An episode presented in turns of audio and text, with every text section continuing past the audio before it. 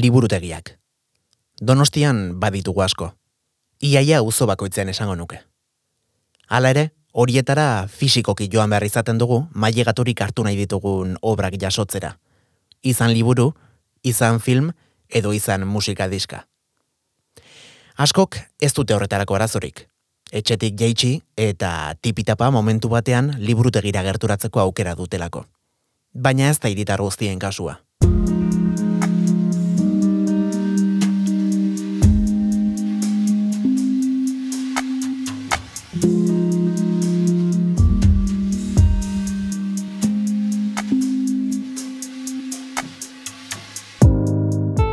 Derontzako hiri justuago bat sortzeko lanean gabiltzan honetan, oso garrantzitsua da errealitate guztiak kontuan izatea.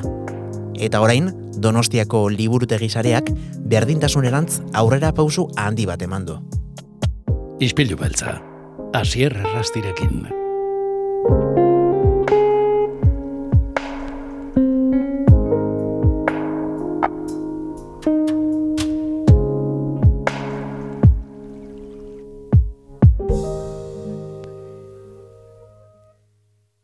Arantza aurkia, ongi etorri gure izpeilura. E, on, bai, eskerrik asko hasier gonbidapenagatik. Bueno, tira, ipatu du gaurretik, baina gaurko egunean, bueno, ba, zerbitzu oso berezi bat, ezta? Aurkeztera zatoz e, gurera. E, bai, jarri dugu e, joan den astean, e, zerbitzu berri bat e, eta izena jarri dugu etxez etxeko mailegua. E, pentsatu dugu e, gaur egungo gizarte honetan ba, pertso, e, gehioago bizi, bizitzen garela eta mm, agian pertsona batzuk ez diala liburutegira liburutegietara etortzen e, ezin dutelako e, bai mugikortasun arazoak dituztelako edo osasun arazo bat daukatelako. Eta e, gure lantaldean pentsatu genuen ba eskaintzea e, zerbitzu berri hau. Hau da, irakurtzen jarraitu nahi baduzu, e, orain liburutegira, et, liburutegia eta liburutegiak etxera, zure etxera joango direla. Bueno, baldintzak e, beti daude badakizu.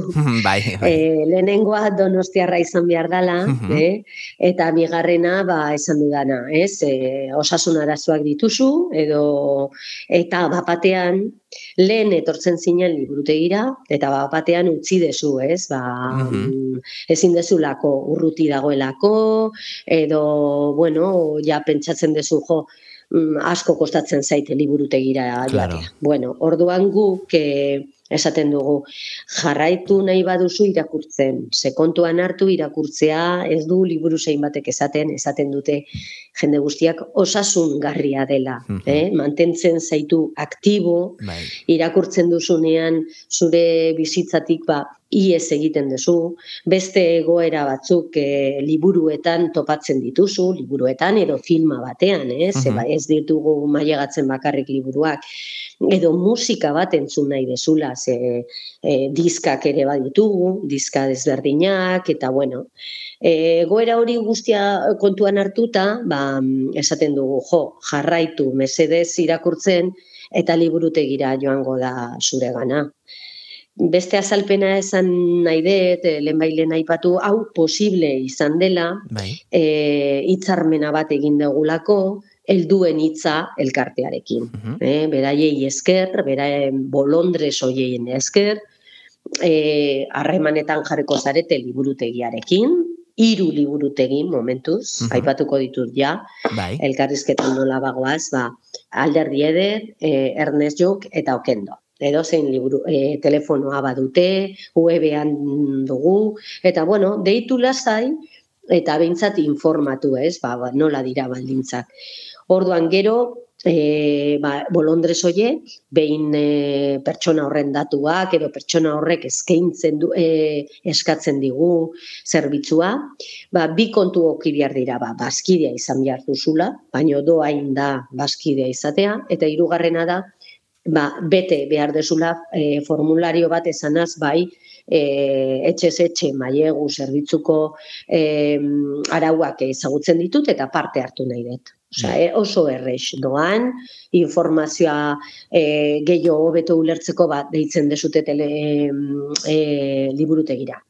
Telefonos aparte noski, azier, ba, e, emaia dugu, eh, edo zein pertsonak idatzi nahi bai. badu, eta baita ere Donostia Kulturako web horrian liburutegien atalan formularioa eh, egina dago. Pentsatu dugu, izaten dudanean telefonoa, e, ba, pertsona batzuk helduak batez ere claro. badira ba igual internet e, denak ematen pentsatzen dugu de denak dakatela internet bai. denak dakatela whatsapp baina bueno egia da eta ez da egia baina beintzat bolondres hoien bidez erakutsiko diogu nola egin bai baldin badaukate telefonoa igual aldute eskaera hortik egin, baino telefonoa denak da usten dugu telefono fijo edo mugikorra baduzuela eta hortek abiatuko garaela ba pertsona hoien gana iristeko. Ez dakit oso ondo azaldu du. Bai, pri, primeran, bai. arantza, e, galderatxo bai. bat, aurretik, bazkide, Donostia Kulturako bazkide etzena, e, bazkide bilakatu daiteke zerbitzu ontaz gozatzeko? Bai, horregatik. Vale. Bi gauza horiek eh, eskeniko dio eta bolondrezak lagunduko dio. Zan nahi dut, ez ara bazkide, ez daukazu internet, baina bueno, liburutegira deitu, papera, e, bolondreza zure etxera joaten denean, eramango ditu papelak sobre batzutan, eta beteko ditu, sinatuko ditu, eta hortik aurrera, bazkide izango da, eta etxe etxe mailegu zerbitzua erabiliko du. Ah, e, aukera guztiak nahi ditugu eman e, jendeari. Eh? Bai. Ez, behintzat, e, zalantza badute, jo, ba, deitzea, ze esango dizutegia, duela bete jarri dugu, baina momentu, sinork ez du eskatu zerbitzua, eh? Bueno, normala omen da, eh? Normala da, bai. Arantza, esan dugu, bueno, komunikazio bidez berdina edozkagula zuekin harremantzeko, e, hori lehen pausurako, baina ondoren, liburu bat mailegatzeko, berdin-berdin, telefonoz e, mailegatu ganezake liburua? Horretarako badakizu daukagula katalogoa. Bai. Eta hor aldezu bilatu zehazki claro, izen buru bat. Espadakite erabiltzen, lasai baitere.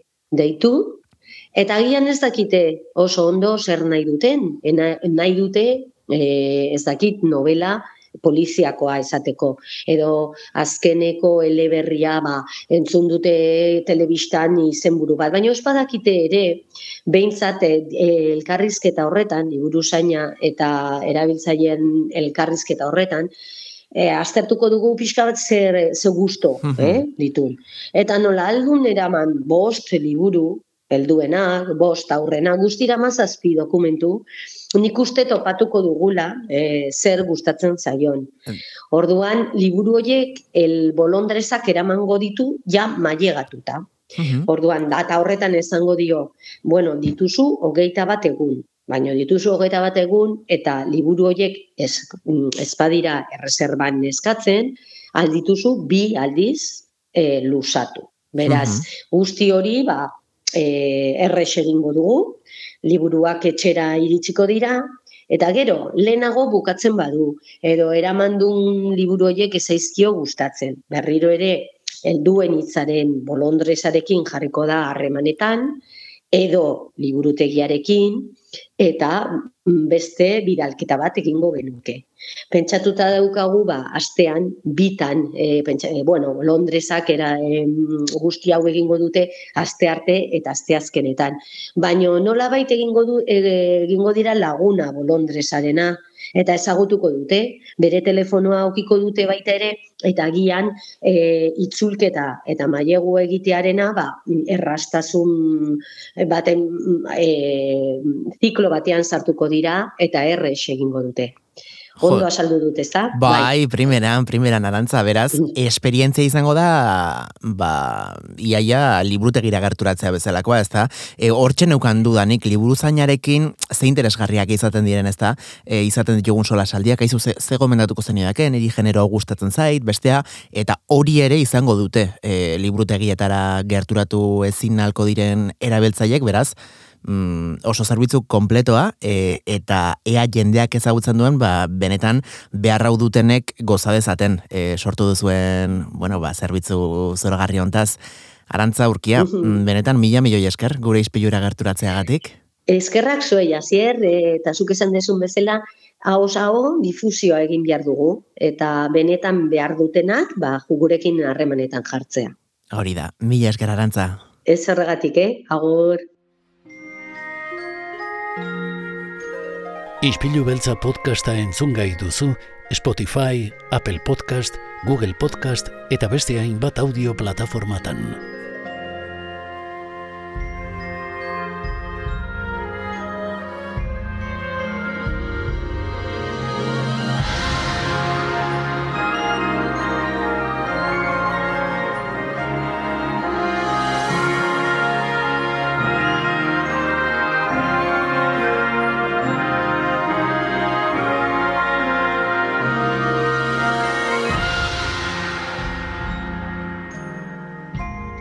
Entzuten ari garen musikak zerikusi zuzena du jarraian jorratuko dugun gaiarekin.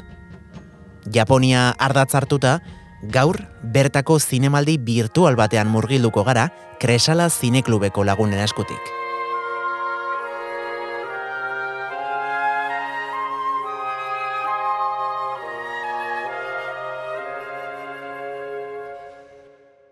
Janet Diaz, ongi etorri gure izpilura. Kaixo, kaixo asierta, kaixo guztioi. Zer moduz, Janet? Zer moduz zaude? Ba, ondo, e, ja gogoakin, e, ja asteburua iristear dagola, eta bueno, a ber, ja urrengo programazia prestatzen. Urrengo aste artean e, ez duzu, eh? eman aldirik, e, izan ere, bueno, gaur, donostiako geita malaugarren e, beldurrezko eta fantasiazko zinemaren astea e, hasiko delako, ez dakit e, zuk edo, bueno, mm, zine, e, kresala zineklubeko beste lagunek ere izaten duzuen ohitura, e, zinemaldi ontara joateko? Ba, bai, bertatik ikusiko gaituzue, ez dakit denak batera ber, e, film guztietara e, jungo gean, baina bai, e, nik peintzat batzuk ja e, fitxatuak ditut, eta ja sarrera ja potxikoan, orduan handikan ikusiko gea bai. Egiten dituzue, e, Donostiako nazioarteko zinemaldian, mm, bueno, egiten dituzuen maratoi luze horiek edo, edo lasaixeago joten zerate ontara? Nire kasuan hau lasaiagoa da. Egia da ez dela maratoia. Eta uste nerekiriak ebai lasaiago hartzen dutela belurrezko zine maldia. Nik uste ja, oa indikan errekupeatzen nahi gabezala. eta indarrak hartzen urren urterako. bai, gainera, bizine maldiak oso, oso elkarrekin datoz, ez? Bai, bai, gainea e, kao, oso gertu daude eta kao, aste baia potentea eta gero beste aste potentea ezke aurrengo betera iristen ordun baula saia hartuko dugu bai. Obeto, beto, korputzari ere deskantzatzen ozi bertzaio. E, aizu, Janet, aste arte honetan izan zenuten trueba zinemetan e, Tiger Stripes e, filmaren proiektzioa eta hain justu pasaden asteko kolaborazioa egin eta urrengo egunetan interneten ikusi genuen sekulako polemika sortu dela, ez da, film honen inguruan? Ba, bai, egu bai ikusi genuen, eta zertxo baita iritsi zitzaigun, ba, handikan eta hortikan saretan zehar, ba, e, ba nola zuzendariak zentzura e, den, bueno, denuntzia ipini duz, e, Malasian ba, jarri duten, esteinatuko duten filma, ez da berak nahi du nahi pini e, ba, nik uste dut e, Malasiako bazaki gobernuak, ero zentzura hori, zentzura hori egiten dut e, departamentoak, ba, hor, tijerak hartu eta hor sartu du, ez, e, pelikulan. Eta pena da, ze pelikula oso interesgarria dago, dagoen bezala, eta, bueno, baina, bueno, bintzat aukera auki genuen hemen donostin, ba, e, zuzen naizun bezala botatzea ikustea. Jo, ikaragarria da, eh? 2008 garren urtean oraindik horrelakoak pasatzea, e, guk bai, guk donostian ikusi izan dugu zentsurari gabe, ez? Kresala zine klubeko lagunak ez dute e, gura izerik sartu filmean. Ke ba, guk ez daukagu gura izte horiek, ke ba, ba. Eta orain, aipatu dugu, rengo aste artean ez duzuela mm, proiektziorik, baina ala ere gaur gurekin da, Janet Diaz, e, berari asko gustatzen zaion gai baten inguruan berbetan. Ba, bai, e, bueno, e, proposatze, bueno, itzen genuenean azierzutan, esan nun, ba, zergatik anez, e, ba, jaialdi bat ekarriret, e, saiora, jaialdi hau japoniatik datorren jai, zinema jaialdia da, JFF Plus zinema e, er, Independientes 2000 hogeita iru, ero inglesez esan da JFF Plus Independent Cinema, Eta, bueno, e, oain dela gutxi gainea, ero aurreko urtean, Kristina Kinebai komentatu genuen zinemali honen inguruan, eta oaintxe bertan, ba, e, erizio berri bate, batean daude, eta, bueno, pentsatu eta interesgarria izango zela honeak hartzea.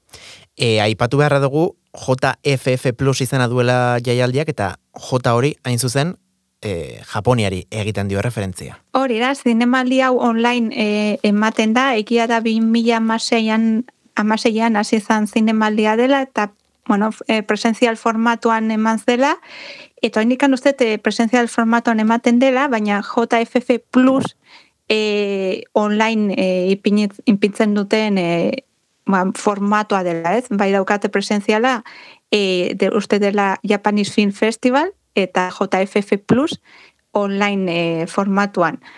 Orduan, bueno, aurten e, asizian abustuan egiten, e, aurtengo edizioa eta amaituko dute urrengo astean, orduan nahi dunak e, zertxo bait ikusi, oaindik e, aukera du e, webunean sartu eta registratu, ze gaina doainik e, den zinemaldia da. Eta bueno, bertan ikusiko duten e, amabi pelikulak, e, amabi pelikula ez komertzialak dira, independienteak dira, eta denetarik dago gainea. Aurkitzezak ez dokumentala, ero luzea, ero korto den bat uste eta hortik handagola, oso interesgarria da bai.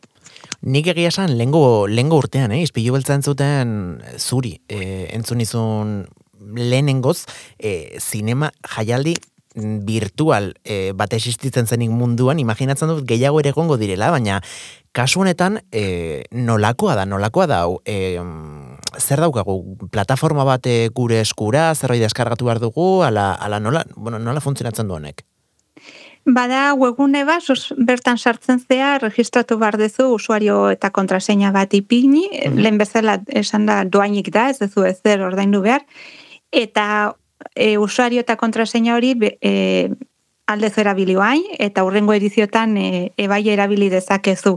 Eta bertan aurkituko dituzu kasu hontan edizionetan amabi pelikula, e, gaina oso intesgarria da, ze ez bakarrik independienteak, e, film independienteak didelako, baizik eta pelikula horiek e, aukeratu dituztenak, dia e, Japonian dauren areto txikiak eta independienteak. Ez ah. dia e, areto ondiko ba, jendeak e, aukeratutako filmak, baizik eta Japonian eritzen dian mini theaters, eta dia ba, basala txikitxoak, enun ba, botatzen duten e, pelikula independientak, eta bertako jendeak dia aukeratu ditunak amabi pelikula hauek. Bai egia da, uste bi pelikula daudela, e, aukeratu dituztenak e, e, bueno, e, jaialdi batzutako zine zuzendariak eta kritikariak, baina beste amar guztiak e, ba, areto hauek e, aukeratutakoak dira. Ja, begira ze, ze ekimen polita.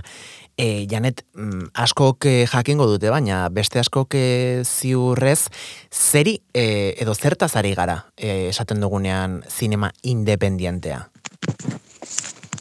Ba, e, errase nik uste tipintzeko jendeari e, Marvel edo Disney jartzen badegu buruan, ba, hori ez. Kontrakoa. ikusten, hori da. Ikusten degunean, ba, Tiger Strips eta alako e, filmak e, ba, ez dienak hain komertzialak eta e, oiek dian ez zine independienteak, ez? Ez daukatzen hainbesteko presupuestoari bidez, ero ez zutenak hainbesteko nik uste eta apoio komertziala. Eta normalean film hauen atzen ez dira ekoiztetxe erraldoiak egoten, ez? Hori da, beti daude ekoiztetxe txikiak, ero agian zuzendaria da ekoizlea, ero ekoizlea da giroilaria, bai, nik uste eh, hor dena txikian egiten da. Eta gainera, berezia da, em, zinema egiteko modu batez ezik, iaia genero ere bilakatu delako, ez? E, film hauetan ere, ba, zinema komertzialean jorratzen ez diren gaiak, edo behintzat gai hoiek jorratzeko modua erabiltzen ez delako. Bai, hori da, kasu honetan ari bez, jaialdi honetan, eta da, ba, beraiek daukaten e, meta bat, ero objetibo bat, mhm. da, e, Japoniako kultura eta bizi modua e, munduari edakustea, ez? E, beti ikusten dugu e, Pokemon erolako e, fin komerzialak, baina ez dugu ikusten nola bizidian herrialde txiki batean, ez? Bai. Ero bigazte nola bizitzen duten amorioa e, ero olako gai txikiak, ez? Ero, bueno, gai txikiak. olako gaiak bai. beste pelikula komertzialetan ez egunak ikusten.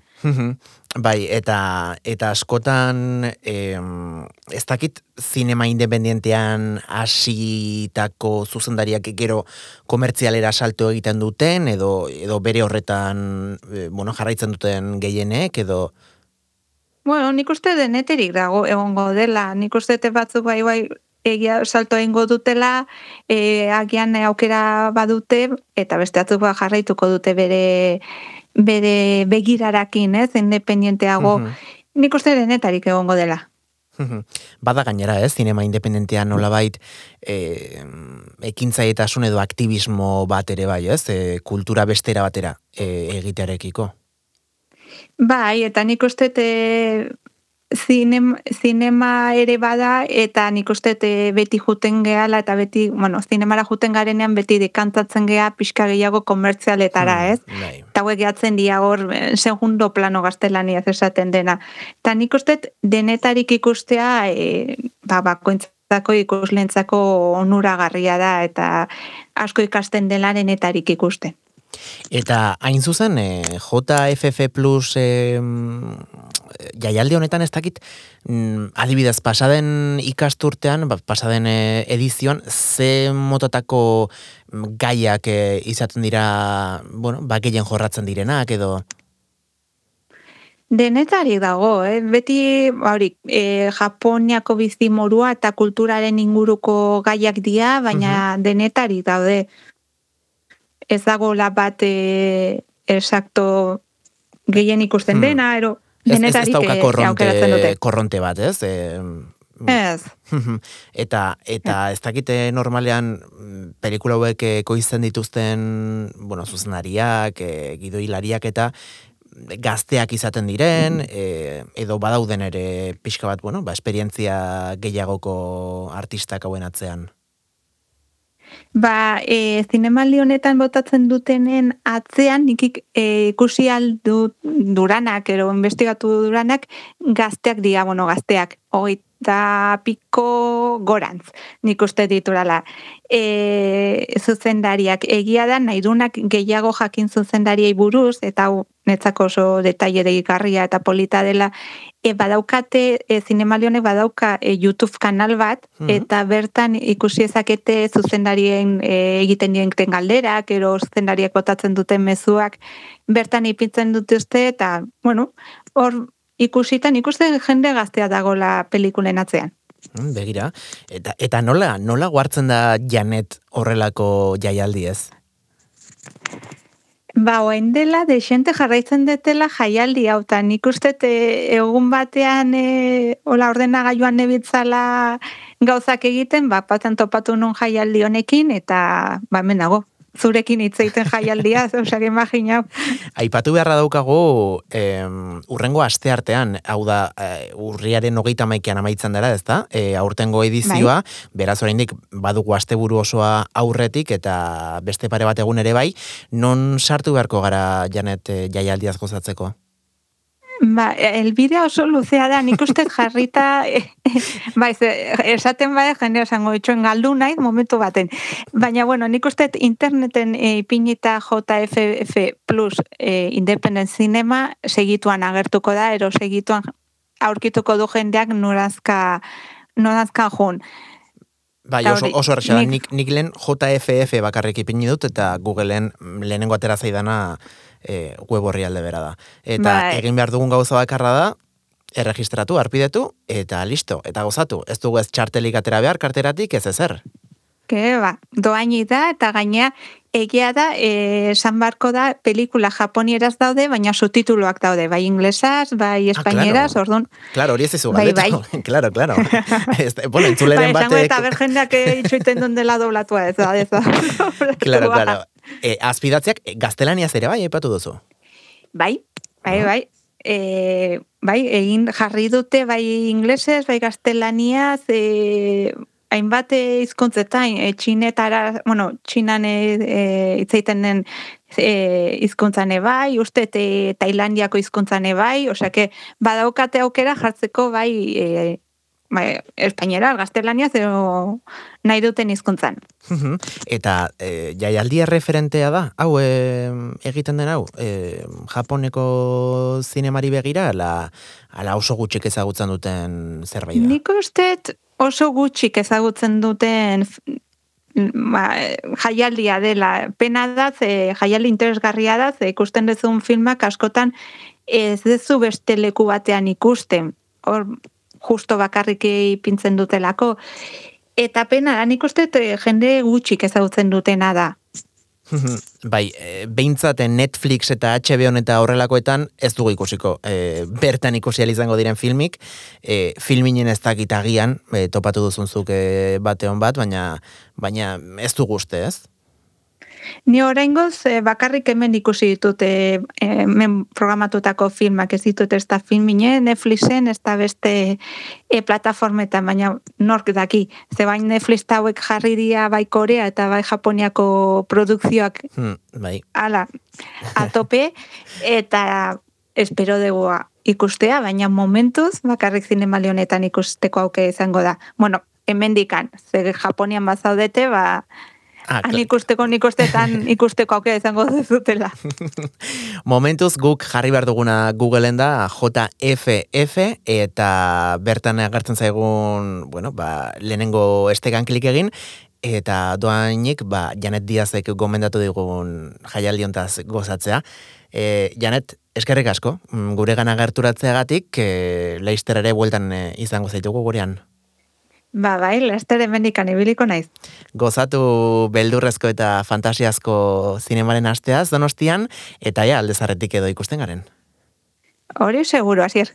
Besarka da, Janet. bai. Ispilu beltza, astelenetik ostiralera, azier errastiren naskutik, donostia kultura irratian, edo dena delako podcast plataforman.